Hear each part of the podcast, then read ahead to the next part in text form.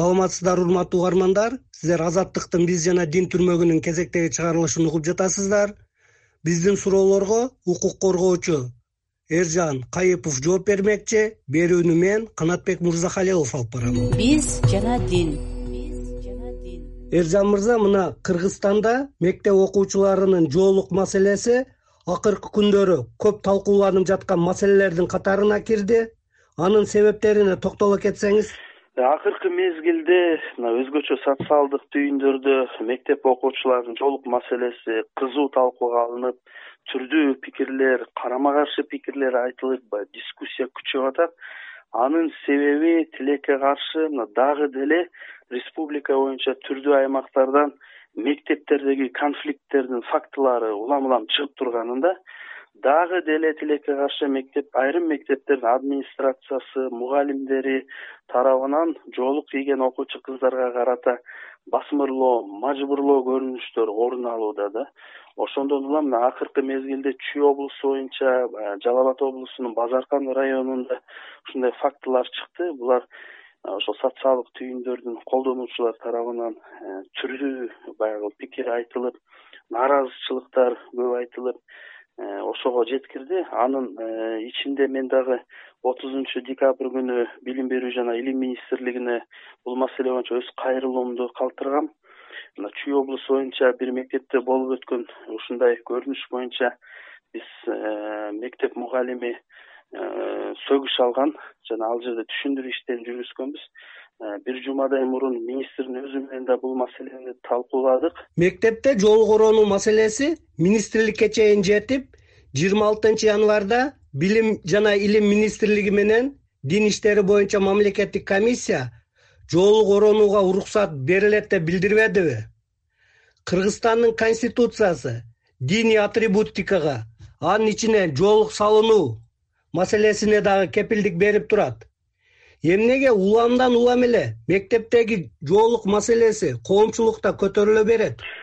Туура ооба конституцияда белгиленгенине мыйзамдарда көрсөтүлгөнүнө эл аралык милдеттенмелерде да бар болгонуна карабастан улам улам бул маселенин көрсөтүлүп улам улам баягы министрликтин деңгээлине жетип талкууланып жаткан себеби биз ошол жер жерлерде мектептердин администрациялары э, борбордук мамлекеттик органдардын кызматкерлери менен талкуулаган учурда мен ушундайды байкадым.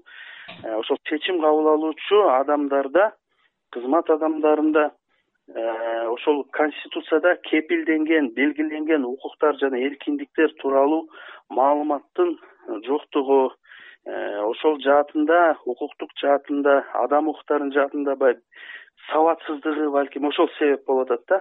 Анан дагы бир э, себеби тилекке каршы абдан терс көрүнүш. Бул э, ошол кызмат адамдары мектептердин администрациясында иштеген адамдар алар өздөрүнүн э, жеке мамилесин жеке мындай жагат же жакпайт деген стандарттарын ошол ишмердүүлүгүнө кесиптик ишине байланышкан чечимдерге Э, аралаштырып салып атышкандыгында да. Жоолук салынууга байланышкан маселе мектептеги мугалимдердин мамлекеттик органдардын өкүлдөрүнүн компетентсиздигинен улам көтөрүлүп жатат деп айтсак болобу. Бул алардын э, э, адам укуктары жаатындагы сабатсыздыгынан келип чыгып атат себеби э, мисалы биз алар менен э, баягы түшүндүрүү иштерин жүргүзгөндө алар кээде мындай айтып атышат. Биз светтик өлкөдө жашайбыз. Дин мамлекеттен ажыратылган. Анан аларга кайра түшүндүрүүгө аргасыз болуп атабыз светтик өлкөдө мамлекеттин светтик болгондугу диндин мамлекеттен ажыратылгандыгы дин эркиндигинин жокко чыгарылгандыгын билдирбейт. Э, так ушул биздин конституцияда светтик мамлекетте бекитилген конституциянын он алтынчы жыйырманчы отуз экинчи беренелеринде дин эркиндигинин э, кепилдиги э, көрсөтүлгөн. Дин эркиндиги эң кеңири түрдө эч нерсе кошуп эч нерсе кемитилбегендей түрдө бекитилген. Анан дин эркиндиги боюнча жалпы эле эркиндиктер боюнча дискриминацияны тыюу салуу ченемдери боюнча алдын алуу ченемдери боюнча алардын баягы э, билбегендиги жана кээде ушундай көрүнүштөр орун алат билүүгө да мындай каалоосу жоктугундай сезилгендиги себеби баягы буга жогоруда айткандай адамдар бизде баягы азыр көп түрдүүлүк коомдо кеңейип баратат да. Бирок тилекке каршы адамдар мисалы мага адамдардын бул түрү жактырбайм ушул социалдык топ жакпайт ушул топтун сырткы атрибуттарын жактырбайм деген жеке мамилеси алардын кесиптик чечимдерди кабыл алууга таасир берип аткандыгы терс көрүнүш да. Себеби кесиптик чечимдерди кызмат адамдары мыйзамга гана ылайыктап кабыл алыш керек. Алар өздөрүнүн жеке мамилеси ар бир адамга башка адам жакпашы мүмкүн. Э. ал ар бир адамдын өзүнүн жеке мамилеси бирок жумушка келгенде өзгөчө мамлекеттик мекемелерде мамлекеттик э, билим берүү э, мекемелеринде бул э, сөзсүз гана мыйзамга гана ылайык болуш керек. Биз жана дин. Ошол эле социалдык желелерде мектепте жоолук оронууну жектеп министрдин сөзүнөн кийин аны сындагандар болуп жатат. Алардын көбү интеллигенттүү эле кишилер.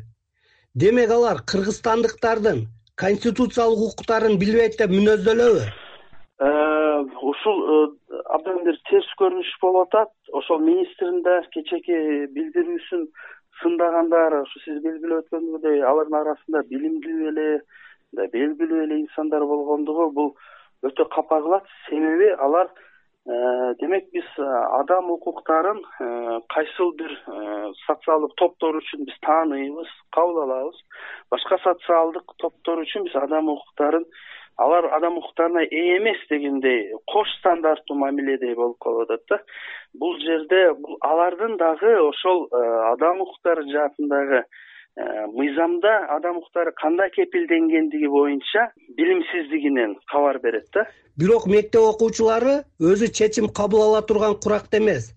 Ата энелердин туугандардын каалоосу менен хиджаб кийгендер да бар. Мындай жагдайда укуктун чеги кандай аныкталат бул жерде ошо социалдык желелерде да окуучулар өздөрү чечим кабыл ала албайт дегендей э, пикирлер айтылып атат. Бирок э, мен буга да кошула албайм. Себеби э, эми жашына жараша ошол мектептин кайсыл классында окуганына жараша көбүнө эсе бул ортоңку жана жогорку класстардагы окуучулар менен болуп аткан окуялар болуп атат да. Анан азыркы жаштар биз деле мектепте окуп жатканда алар э, көп нерсени түшүнөт деп мен ойлойм. Алар түшүнбөйт аларга таңуулап салган деген бул э, биз демек ошол жаштар боюнча окуучулар боюнча пикирибиз э, начар экен да. Ал көп нерсени түшүнөт деп ойлойм. Бирок мажбурлаган учурлар да болушу мүмкүн. Албетте мажбурлаган ата энелер балдарын диний наанымдар боюнча гана эмес башка нерселер башка багыттар боюнча да мажбурлаганы бул баарына даана айкын да. Бул маселеде да болушу мүмкүн. Бирок э, э, мен ойлойм баягы э, эгер окуучу кыз өзү даттанбаса билдирбесе сабагын окуп мектепке келип атса жоолугун кийип анан мектептин мектептеги социалдык педагогдор башкалар сүйлөшсүн таанысын ал окуучуну анан билбей туруп эле буларга мажбурлаган деп биз өзүбүз чечим чыгарып анан аларды э, чечиштирүүгө мажбурласа бул деген одоно укук бузуу болот эржан мырза сиз жоолукчан кыздардын укугун коргоп келе жатасыз.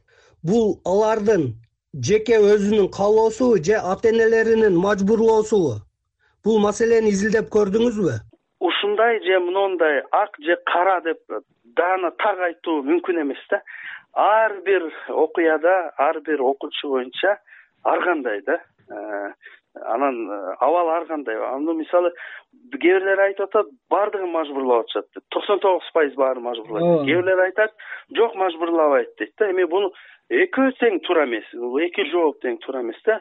Анан бул ата эне мажбурлайт деген маселеге кайрылганда биз кайра эле мыйзамдарга кайрылышыбыз керек. Мен мына мыйзамдарды ченемдерди айтып берейин. Мисалы мен э, өзүмдүн жеке мамилемди ошол укук коргоочулук ишимди мыйзамдардын э, ченемдерине гана негиздейм да. Өзүмдүн жеке мамилеме андай нерсеге эмес мыйзам ченемдеринин негизинен биз адамдын укугун коргондо биз мыйзамдуулукту коргойбуз мына мыйзамдарга кайрылалы адамдын жарандык жана саясий укуктары жөнүндөгү эл аралык пакттын он сегизинчи беренесинин төртүнчү пунктунда жазылып турат. Ар бир мамлекет ата энелердин өз ынанымдарына ылайык балдарын диний жана балдарына диний жана адеп ахлактык тарбия берүү эркиндигин урматташ керек ар бир мамлекет. Балдар жөнүндө э, балдардын укуктары жөнүндө эл аралык конвенциянын он төртүнчү беренесинде жазылып турат. Ар бир мамлекет баланын диний эркиндигин урматташ керек дейт. Эми кыргыз республикасынын конституциясы он алтынчы беренеде дин диндин негизинде кодулоого дискриминацияга тыюу салат. Жыйырманчы беренеде конституция Э, адамдын баягы диний ынанымдарын баш тартууга мажбурлоого салынган тыюу чектелүүгө мүмкүн эмес деп жазып турат бул диний ынанымдарын баш тарт деп э, мажбурлоого эч ким андайга бара албайт. Отуз экинчи беренеде конституцияда да диний эркиндиги кепилденет жана ар бир адам өзүнүн диндик ишенимин билдирүүгө же андан баш тартууга мажбурланууга тийиш эмес деп жазылып турат. Ал эми жоолук менен хиджаб бул диний ынанымдын ажырагыс бир бөлүгү жана атрибуту болуп эсептелет. Азыр өзгөртүлүп жазылып жаткан баш мыйзамга сиз санаган адам укуктары дин эркиндиги боюнча беренелер кирдиби же алар көңүлдүн сыртында калдыбы? Э, эми талкууга ноябрда чыгарылган конституциянын э, долбоорунда адам укуктары боюнча э, дин эркиндиги жаатында эмес башка багыттар боюнча э, өтө мындай терс өзгөртүүлөр киргизилген жана айрым ченемдер алынып салынган. Негизи адам укуктары эң жогорку баалуулук экендигине чек келтирилген. Адам укуктары эмес адеп ахлак баалуулуктары деген түшүнүк преамбулага киргизилген. Жалпысынан ошол адам укуктары бөлүмүнө киргизилген өзгөртүүлөр булар ошол адам укуктарынын кыргызстандагы э, стандарттарына доо кетирет деген э, билдирүүлөрдү биз жасаганбыз учурунда азыр ошол иштелип чыккан э, акыркы долбоорунда акыркы вариантында кайра карап чыгыш керек. Ошол адам укуктары жаатында кандай кайра иштеп чыккандары боюнча. Себеби бул абдан кооптонуу жаратат чындыгында эле эгер адам укуктары жаатында азыр э, бирок бир жакшы э, оң көрүнүш мындай болуп атат да. Эми ушул жоолук маселесинен чыккан чырдан улам жарандар ошол жоолук кийген кыздардын укугун коргоону колдогон жарандар дагы демек конституцияда белгиленген адам укуктары боюнча ченемдер өтө маанилүү экендигин ал жерде э, э, адам укуктары кемибей тескерисинче кеңейтилиши керек экендигин маанилүү экендигин түшүнүп жатышат да. Жана э, укукту коргоодо мыйзамдуу инструменттерди укук талаасынын алкагында конституцияда кодекстерде мыйзамдарда эл аралык келишимдерде көрсөтүлгөн ченемдер менен коргонуу керек экендигин азыр жарандар түшүнүп ушул укук коргоочулук баягы өнөр өнөр дейбизби же ушул ишмердүүлүк бул деген мындай сапаты э, өсөт деп мындай үмүт бар да. Биз жана дин. Биз жана дин урматтуу угармандар сиздер азаттыктын биз жана дин түрмөгүнүн кезектеги чыгарылышын уктуңуздар. Биздин суроолорго укук коргоочу эржан кайыпов жооп берди. Берүүнү мен канатбек мырзахалилов алып бардым. Саламатта калыңыздар